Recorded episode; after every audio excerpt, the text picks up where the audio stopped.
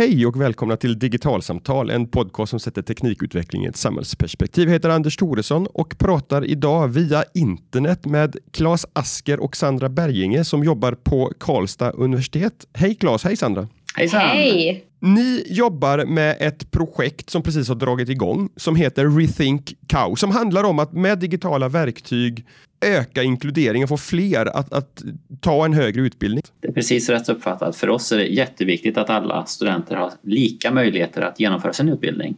Så, så vad, vad, är det, vad är det för problem som, som ni vill adressera i det här, i det här projektet? På universiteten så har vi länge jobbat med breddad rekrytering, alltså att få fler studentgrupper till universiteten. Eh, det vi tar vid nu är egentligen att ta hand om studenterna när de även är här och att de, de klarar sina studier och att de kommer ut i arbetslivet. Precis, och då pratar vi om breddat deltagande. Att eh, alla studenter som kommer till, student, till universitetet ska ha samma möjligheter att klara utbildningen. Okej, okay, så, att, så att det, det, jag har hört, hört talas om tidigare, det, det, har ju varit insatser för att, för att få fler eh, kvinnliga studenter till mansdominerade utbildningar till exempel och så vidare. Men, men då har det handlat om, om sökningen och rekryteringen till utbildningarna. Ni, det här projektet syftar till att, att se till att när man väl har kommit in, att man faktiskt om tre, fyra, fem år också lämnar med en, en godkänd examen. Ja, vi använder ibland ett begrepp, alltså vi, är, vi ska få dem till klassrummet men vi ska också få dem att fungera i klassrummet. Sen även ut ur klassrummet. Eh, varför är det här ett, en, en utmaning som behöver adresseras överhuvudtaget? Hur ser det ut på landets eh, högskolor och universitet? Nej, men det vi vet är ju att eh, när vi jobbar med breddad rekrytering så eh, vill vi ju få alla samhällsgrupper för att ha möjlighet att komma till universitetet. Och mycket av det arbetet och utveckling som sker vid universitetet görs egentligen utifrån en normstudent. Eh, men när vi nu vill att vi ska vara ett mer inkluderande universitet så vill vi också ge alla studenter samma möjligheter när de väl är på plats. Eh, så det är ju det vi jobbar jättemycket med nu. Ja, och för några år sedan så gjorde Universitets och högskolerådet, eh, de tog fram en rapport som heter Kan excellens uppnås i homogena studentgrupper? Och den har vi tagit med väldigt mycket utgångspunkt i. Eh, och när vi har genomfört våra studier här så ser vi ju också att de upplevelser som studenterna lämnar ifrån sig faktiskt visar på hinder som finns på universitetet. Okej, okay, så att det, det, det, ni säger är att, att alla st alltså studenter finns om man, oavsett vad man mäter på i, i, i någon slags normalvariation när det gäller eh, hemmiljö och stöd därifrån eller, eller förståelse för, för, för språk eh, och, och, så vidare. Och, och, en utbildning är idag eh, i väldigt stor utsträckning anpassad för de som befinner sig i mitten på den här normalvariationen medan ni vill göra det möjligt för, för de som ligger längre ut åt, åt kanterna att faktiskt också ta sig igenom en utbildning. Ja, det, det stämmer och de grupper som vi särskilt tittar på är eh, fyra grupper. Det är könsminoritet, funktionsvariation, att man är från en studieovan miljö eller att man har utländsk bakgrund. Och mm. Vi vet ju att de är som du säger i utkanten på normen. Eh, de, de tre sista grupperna där som, som, som du säger, där, där, där, kan jag spontant se att det kan finnas teknik som kan, kan hjälpa till. Men, men, vad finns det för tankar kring, kring tekniska hjälpmedel för att komma till rätta med, med, med en, en eh, genusaspekt i, i en högre utbildning? Ja, vi, projektet pågår ju under två år drygt och eh, varje sån här studentgrupp som vi har varit inne och pratat på nu följer vi under en termin. Så vi har, eh, nu under hösten så jobbar vi med en grupp med studenter som just är i könsminoritet i utbildningen. Eh, och det innebär då att vi följer en grupp av kvinnor som eh, läser på ingenjörsutbildningar och vi följer en grupp av män som läser på sjuksköterskeutbildningen och lärarutbildningen mot yngre åldrar. Och det vi har sett nu när vi har jobbat med den här gruppen är att man har eh, behov som man behöver känna sig trygg på utbildningen. Jag behöver kunna ta plats på, i klassrummet. Jag behöver bli inkluderad på samma sätt som alla andra i klassen. Eh, jag behöver ett genusperspektiv, normkritik i utbildningen. Och alla de här behoven nu eh, arbetar ju vi vidare med för att kunna möta med ett eh, digitalt verktyg. Eh, och när vi satt och vi hade en workshop förra veckan med studenterna där de själva fick eh, spåna fram idéer så, så kom det väldigt mycket spännande saker. Och, så vi ser redan nu att det finns något att gå vidare med. Exempelvis är hur jobbar man med i grupp? Eh, hur fördelas grupperna? Eh, i, i klassen, vilka roller tar man i, i ett grupparbete och vi tror faktiskt att det här går att lösa med ett digitalt verktyg. När ni träffar de här studentgrupperna, vilka, vilka, andra saker och idéer hade de själva om vad ni kan bidra med från, från projektet och, och kan, kan underlätta med hjälp av utav tekniska verktyg? Till exempel eh, att jag som kvinna när jag sitter och ska fundera på vad jag ska söka för utbildning, att jag funderar hur många kvinnor finns det på utbildningen? Hur, hur är det att läsa som kvinna på en ingenjörsutbildning? Att man har ett behov av att hitta andra studenter innan man söker. Men också när man är på plats. Eh, skapa forum, eh, hitta någon form av mentorskap. Eh, det här också med en utbildningssatsning. Kan vi skapa något digitalt verktyg för att lyfta frågor om genusperspektiv, normkritik, mycket idéer från studenterna och det är det som är så himla spännande. Men, men där låter det som att, som att det handlar om att, att använda digital teknik då för att bygga nya sociala kontaktytor eh, i, i, i väldigt stor utsträckning. I, I de andra tre grupperna som, som, ni, som ni nämnde, studentgrupperna, är, är det samma typ av utav plattformar och verktyg som ni tror kommer vara aktuellt där? Eller, eller finns det också idéer, tankar om hur ni kan bygga verktyg som underlättar själva studierna till exempel? Ja, nu under nästa termin så kommer vi titta på läs och skrivsvårigheter och eh, där vet vi att det finns en mängd verktyg. Eh, frågan är ju bara om vi har valt de rätta verktygen. Eh, och det kanske finns helt andra verktyg som vi inte ens har kommit på att de finns längre. Och att de studenter som lämnar ifrån sig upplevelser och beskriver sina behov faktiskt kan generera idéer som kanske vi kan utveckla här själva eller att det finns företag som fångar upp de här idéerna skapar verktyg. Precis, och det är också viktigt att poängtera att vi pratar om digitala verktyg men det är inte, behöver inte vara pedagogiska verktyg utan verktyg som stöttar studenterna i sin utbildning. Vad är skillnaden på ett pedagogiskt verktyg och ett stöttande verktyg? Ja, skillnaden som, som vi ser det är att pedagogiskt verktyg det används, då är läraren inblandad. Eh, det, det, finns med i klassrummet eller på föreläsningen eller när man gör en, en uppgift.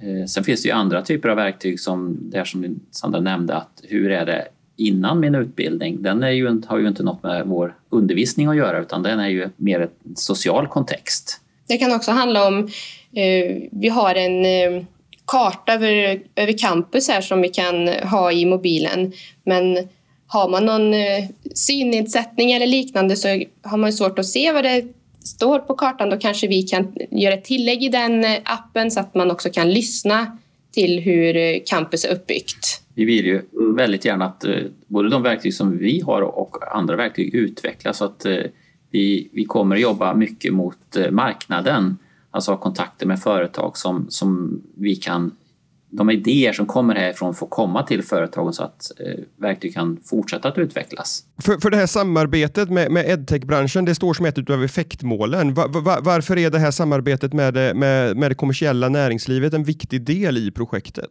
Det är klart att det är viktigt i den meningen att det är ju teknikbranschen eller den digitala branschen som, som erbjuder oss digitala lösningar. Och då är det ju bra om vi har på fötterna när vi beställer de här digitala lösningarna. Eh, sen eftersom det här, är, eh, det här är ett projekt som är finansierat av Vinnova och eh, Vinnova har ju också som mål att eh, utveckla svenskt näringsliv eller svensk innovation. Eh, så det är liksom en, eh, två saker som är viktiga där, både för oss att vi får rätt saker men att ett svenskt företagande utvecklas. Sandra, du, du jobbar som tjänstedesigner i det här projektet. Va, va, vad gör en tjänstedesigner för någonting? Jag jobbar ju jättemycket med studenternas eh, upplevelser. Vi, eh, vi arbetar utifrån olika tjänstedesignmetoder och eh, har under flera år i olika projekt jobbat fram en metod som vi kallar Följ en-metoden som består av fyra olika delar. Identifiera och kartlägga utveckla och verklighetstesta, demonstrera och kommunicera, förvalta och vidareutveckla. Och I den här första fasen så handlar det då om att förstå studenterna. Vilka upplevelser har de som i sin tur eh, tydliggör vilka behov studenterna har. Eh, och det här gör vi på olika sätt. I den här första omgången nu när vi har följt studenter som är i könsminoritet i sin utbildning så har studenterna lämnat in eh, dagboksinlägg. Vi har haft ett digitalt formulär som studenterna egentligen har skickat in sina upplevelser i. Vi har pratat med studenterna, studenterna haft samtal som har eh, den här bilden som då har kommit fram låg sedan till grund för den här workshopen som vi hade i förra veckan. Eh, Där studenternas upplevelser låg till grund för att jobba vidare med vilka behov har jag som student och behoven i sin tur låg till grund för den här idégenereringen. Hur kan digitala verktyg utvecklas som möter studenternas behov? Men det innebär att tjänstedesign, det är någonting annat än design utav det som man möter på skärmen, utan det här är liksom ett mycket större systemperspektiv på vad en tjänst ska vara, vilka behov som finns och hur den här tjänsten ska lösa dem då. Ja, det är ju eh, det som du säger, det är inte bara vad vi ser på skärmen utan det är ju hur hela tjänsten upplevs, alltså även människorna bakom. Så att det är ett verkligt utifrån och in perspektiv här så att man verkligen har kunden då, eller studenten i vårt fall, i fokus så att det är kundens upplevelse av vår tjänst som är viktig, inte hur vi tycker att den ska vara. Precis, och det som är så spännande också är ju att studenten är lika viktig i den här fasen som vi har jobbat med nu, förstå studenternas upplevelser och behov, men också i nästa fas av projektet när vi då ska utveckla, ta fram de här digitala verktygen. Studenten är lika viktig där för att testa, verklighetstesta de här verktygen som vi tillgängliggör det finns ju ett, ett buzzword som har varit med ett tag nu som är agil utveckling som, som handlar just om det här att, att snabba pilotprojekt, eh, testa dem och så, och så plocka hem det, eh, eh, de erfarenheterna som användarna kommer med och så vidare. Det, det, det låter som att det, det, är en central del i hur, hur ni kommer jobba med de här sakerna också. Det stämmer, det är, det är en del i den när vi pratar om att utveckla verktyg. Eh, och det, är viktigt att poängtera att eh, vi, vi internt kommer att utveckla verktyg men att vi också kommer göra möjligt för företag att testa verktyg mot de behov vi har. Men när vi testar internt, då kommer det vara mer av karaktären som du säger, agil utveckling, alltså snabb utveckling. Så att i projektet har vi också tre stycken utvecklare från vår interna IT-avdelning som är med. De är med när vi eh, tittar på studenternas behov, de är med när vi idégenererar och de är med när vi sen tar fram prototyper och utvecklar. Hur känns det, liksom, hur, hur är studenternas reaktion på att få, få vara med? Känner de att, att det här är viktigt och, och, och någonting som de vill bidra till att förbättra? Ja, absolut. Det är otroligt spännande att göra sådana här projekt när studenterna får möjlighet att, att berätta hur, hur de har det. Eh, det är absolut inte att man behöver jaga upplevelser utan de, de kommer med upplevelser till oss som vi kan jobba vidare med. Eh, så absolut ett stort intresse från studenterna och eh, de säger också rakt ut att det är så eh, tacksamt att det finns ett forum där jag kan få berätta hur jag har det och att någon jobbar vidare med mina behov. Så det är jättekul. Och det var väldigt intressant att se förra veckan hur, hur studenterna faktiskt var så aktiva och kreativa i, i, när vi genererade idéer. Och det var nästan svårt att få dem därifrån efteråt. ja, jätteroligt. Kan, kan ni nämna någonting mer om vilka, vilka idéer det var som de, som de själva kunde bidra med i den här workshopen? Ja, vi har ju nämnt dem lite grann tidigare, det här med att jobba med grupp eh, eller att hitta andra studenter för att känna sig trygg. Mm. Eh, men eh, mentorsfunktion eh, exempelvis, alltså en fadder eller mentorsverksamhet. Hur ska man matcha eh, de som vill ha en mentor och de som vill vara mentorer? Det var en sån idé som kom fram. Ett annat var att kunna chatta med eh, universitetet eller med studenter som går på utbildningen, alltså innan man börjar utbildningen. Var det något mer? Ja, men också det här med grupparbete. Det har visat sig under tiden vi har följt studenterna att eh, grupparbete är en så, ett sådant tillfälle där könstillhörighet blir tydligt. Mm. Kvinnorna upplever att de blir tilldelade en viss roll och ofta då någon form av eh, sekreterarroll. Att man förväntas ta anteckningar, hålla ordning på strukturen, skapa innehållsförteckning, göra det sista finishen med ett arbete egentligen. Eh, så det kom upp som eh, med olika former av idéer men stöd i grupparbete egentligen. Hur ska vi jobba? Grupproller, eh, någon form av gruppkontrakt. Mycket kring det. Så det har ju vi spånat vidare på ja. Eh, för att kunna möta det här med ett eh, digitalt verktyg. Ni sa från början att, att fokus för Rethink How är att inte i rekryteringsfasen utan att få era studenter att, att faktiskt slutföra sina utbildningar samtidigt som, som ni nu har, har nämnt ett antal exempel där, där man liksom vill ha en, en, en ingång redan innan man söker. Men, men, det finns ändå den här tanken där då att, att genom att, att få de här kontakterna innan man börjar, att det då kommer, kommer gynna slutförandet av studierna också. Är det, är det så ni resonerar? Det, det stämmer och sen ska man se det att när vi pratar rekrytering då menar vi ju egentligen innan man söker utan de, de här studenterna som har nämnt det, eh, det, här med att få kontakt innan man börjar, det är ju någon slags mellan det här sökandet och att man börjar. Att man vill känna sig trygg inför att man ska komma till universitetet egentligen. Så man vill gärna hitta någon eh, och fråga frågor och sådär. Just det, så man vet att det finns någon eh, på, på plats i Karlstad som kan hjälpa mig när jag väl kommer dit. Ja, men precis. När ni ska ta nästa steg, från att den här liksom idégenereringen och, och gå vidare i projektet och utveckla, vad, vad, finns det för utmaningar? Hur kommer ni jobba med det? Eh, just nu har vi då valt en av de här idéerna att gå vidare med internt. Eh, och utmaningen i det, det är ju att hinna utveckla det här verktyget på den korta tid vi har på oss. Vi, vi skissar på fem veckor, det är vad vi vill klara det på. Sen så ska det här ut i test och det ska användas av studenterna och eh, de lärare som påverkas ska ju också tycka att det här är en bra idé och som ger god effekt i klassrummet. Den andra utmaningen det är ju att det finns fler idéer som vi tror det finns lösningar på på marknaden och det gäller då att hitta, hitta företag som, är, eh, som har lösningar men också som är villiga att gå in och testa. Vi vet att företag vill testa och vill vara med men det gäller ju att man har den här, att det matchar det behov. För vad som är väldigt viktigt för oss det är ju inte att vi ska testa ett, vilket verktyg som helst utan det ska verkligen vara ett behov som är beskrivet av studenterna. Just det. det som man kan säga där, eh, just med tanke på intern utveckling, att vi, vi upplever att, som väldigt värdefullt att eh, systemutvecklarna har varit med tidigt i fasen som Claes var inne i. De har behovsbilden, de förstår studenterna, de var med vid idégenereringen så att vi, vi startar inte från noll med utvecklarna utan de har redan en bild med i projektet som eh, ett sätt att möta den utmaningen som vi ser med eh, att det är kort tid att utveckla på. Just det, så att man har en väldigt stor förståelse för att eh, när studenterna genererar idéer så var det även Alltså man gjorde det tillsammans med eh, några personer från universitetet, bland annat de här systemutvecklarna, så att de kan, de kan ju relatera väldigt starkt till den, det behov som studenterna hade vid idégenereringen. Sandra, du sa att ni, ni jobbar enligt en metod som ni kallar för Följ en, som ni, ni har jobbat med, med tidigare också. Va, va, vilka, vilka erfarenheter har ni dragit ut, utav tidigare eh, processer med, med den här Följ en-metoden och va, vad är det som gör att, att den fungerar bra? Eh, att det är ett väldigt eh bra upplägg för att förstå studenterna. Eh, vi behöver inte... Som tidigare så har ju vi trott mycket. Att vi, vi har trott vad studenterna behöver.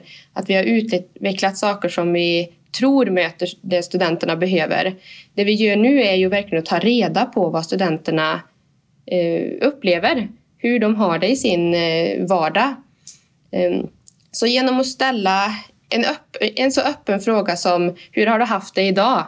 Hur har det varit den här veckan? Så får man så ett spännande input till projektet som vi kan jobba vidare med.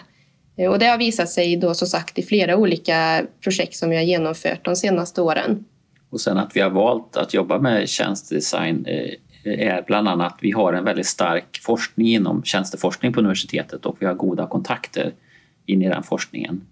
Så det, det känns tryggt för, för, oss att veta att eh, det finns en, en, stark kompetens här internt. Så, så det, det, det, blir ett, ett eh, tvärdisciplinärt liksom, samarbete internt på KAU också i, i, i det här projektet? Vi kan alltså använda det som tas fram inom forskningen direkt konkret i, i det arbete vi gör projektet har, har startat nu i höst och håller på i två år. Va, va, vad har ni för ambitioner och, och, realistiska förhoppningar på att ni ska hinna med under de här två åren? Så som det har gått hittills, även om det är en kort tid, så ligger vi väl i fas med, med den planering vi har gjort. Så därför så tror vi att vi kommer klara det här och vi planerar redan nu för nästa. Även om vi är mitt i första studien så planerar vi redan för nästa. För vi vet att det är den här delen när vi ska identifiera och få med studenterna i, i en studie det är den som är kritisk.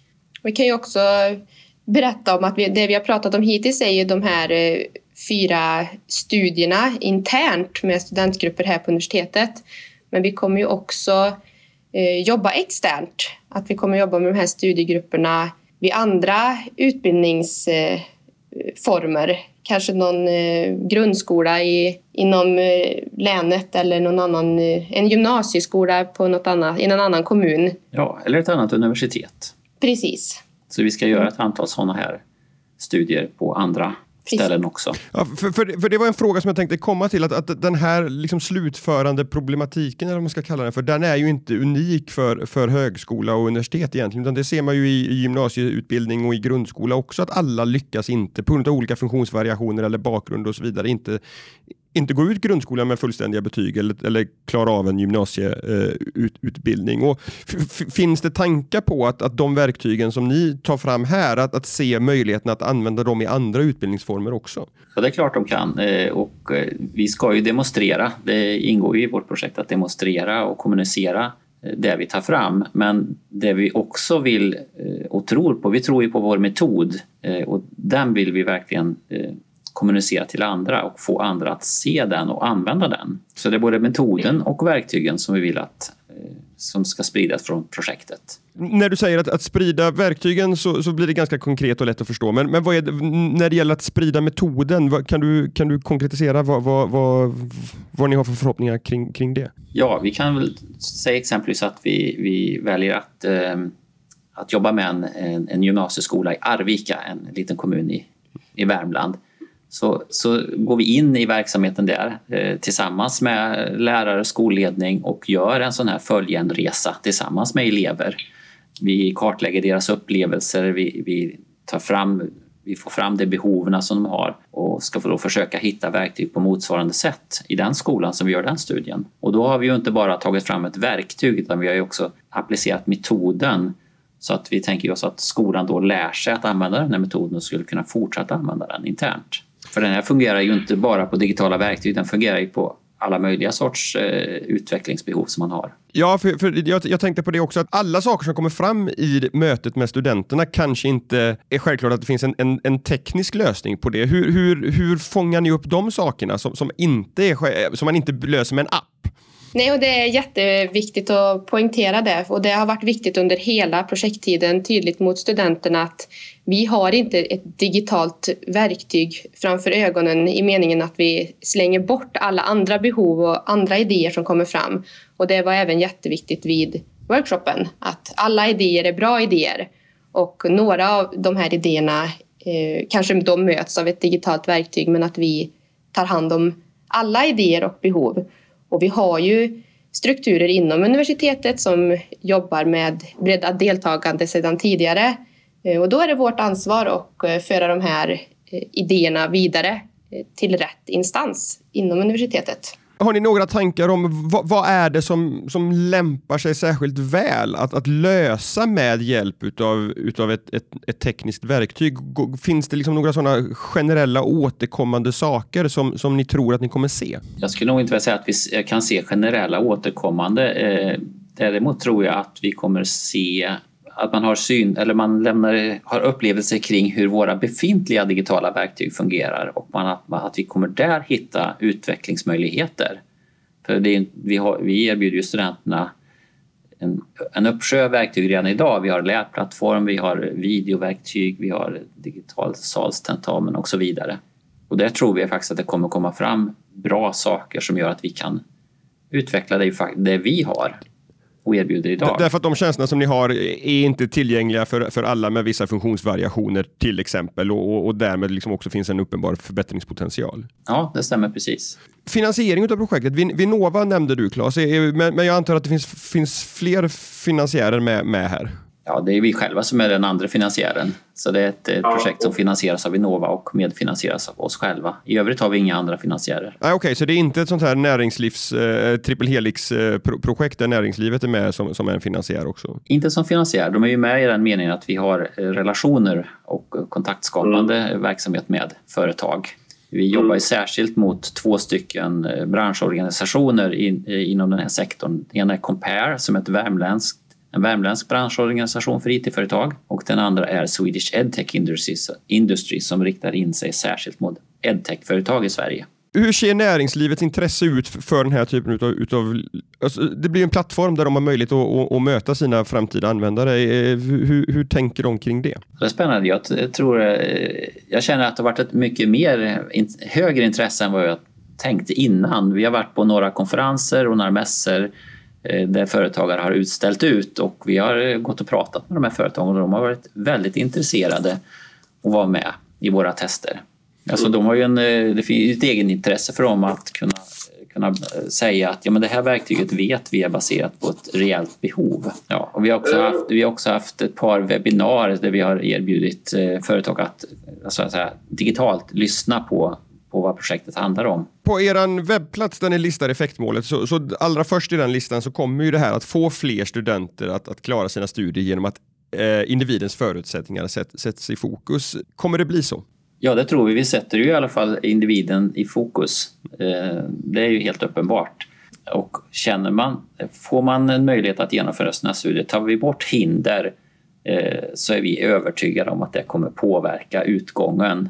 Alla små hinder tillsammans bidrar ju till den student som kanske väljer att avbryta sina studier. För oss är det ju ett misslyckande eh, precis lika mycket som det är ett misslyckande eller en förlust för studenterna att avbryta sina studier. Det här sättet att tänka på hur förutsättningarna för studenterna ser ut, att, att alla finns, att vi har den här normalvariationen eh, och, och, alla ligger inte i mitten på, på den fördelningskurvan. Hur, hur, hur nytt är liksom det tankesättet från ett eh, universitet och en högskola? Ja, det, jag skulle säga att det är rätt så nytt ändå. Breddad rekrytering som vi pratade om i början har vi ju hållit på med länge. Eh, det har ju varit ett regeringsuppdrag att, att jobba med det. Det är viktigt att få in alla grupper på högskolan. Men att jobba med, med studenterna så brett inom universitetet har inte pågått så länge. Vi har ett, ett internt koncept som vi kallar för framgångsrika studier som mycket tar sikte på just de här studentgrupperna och det har vi hållit på med två, tre år kanske. Ja, så vi jobbar ju med breddat deltagande på flera olika sätt vid universitetet men det som vi gör som vi inte har gjort tidigare på samma strukturerade sätt det är ju att följa de här olika studentgrupperna och faktiskt ta reda på hur de har det.